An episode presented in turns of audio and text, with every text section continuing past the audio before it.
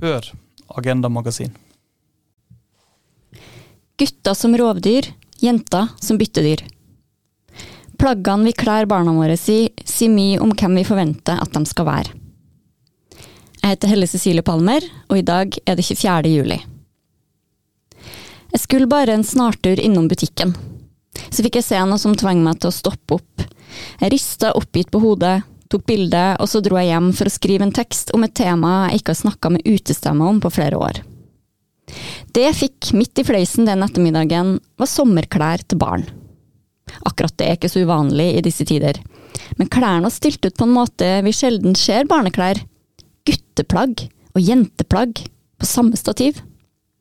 Dermed ble også forskjellene mellom dem så enormt tydelig.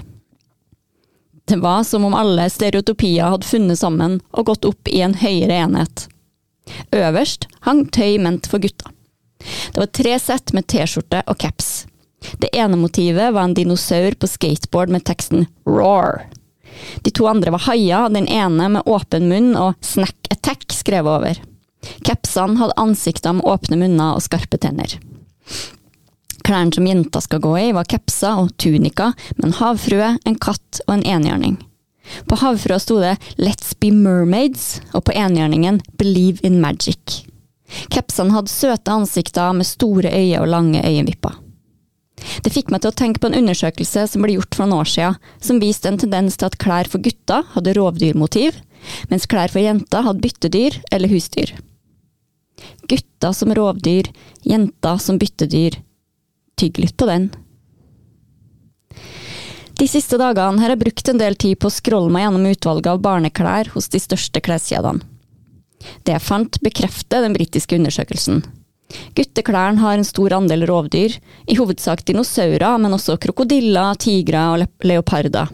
Dyrene er fremstilt som sint og aggressiv, noen gang kul, med solbriller for eksempel.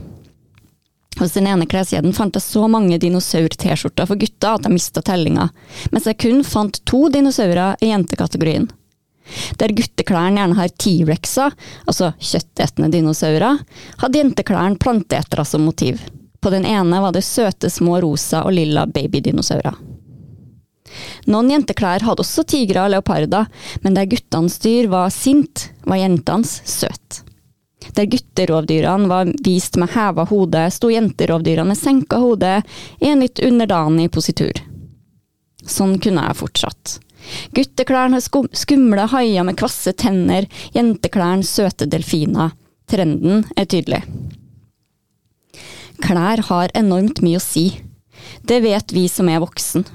Vi kler oss etter anledning, og de fleste av oss liker best klær som får oss til å føle oss bra. Klærne vi har på oss har faktisk betydning for hvordan vi presterer. Klærne våre forteller omverdenen om hvem vi er. Sånn er det for barn også. Forskjellen er at barn ikke velger klærne sine sjøl, ikke før de har levd noen år. Og det som har skjedd i løpet av de her årene, er at barn har blitt møtt på forskjellig måte ut fra andres forventninger om hvordan jenter og gutter er, eller skal være. Når klær påvirker hvordan vi føler oss og oppfører oss, må vi også regne med at det har en betydning om du har en skummel, sint dinosaur med skarpe tenner på genseren din, eller en søt liten kanin med store, uskyldige øyne. Ikke bare sender det et signal til omverdenen om hvem du er, men du handler i tråd med det. Motepsykolog Dion Terlonge påpeker at når du lærer at tigeren du har på trøya er et dyr som jakter og er sterk og vill, så kan du ikle deg de her egenskapene og føle deg raskere, sterkere og villere når du har på deg det klesplagget.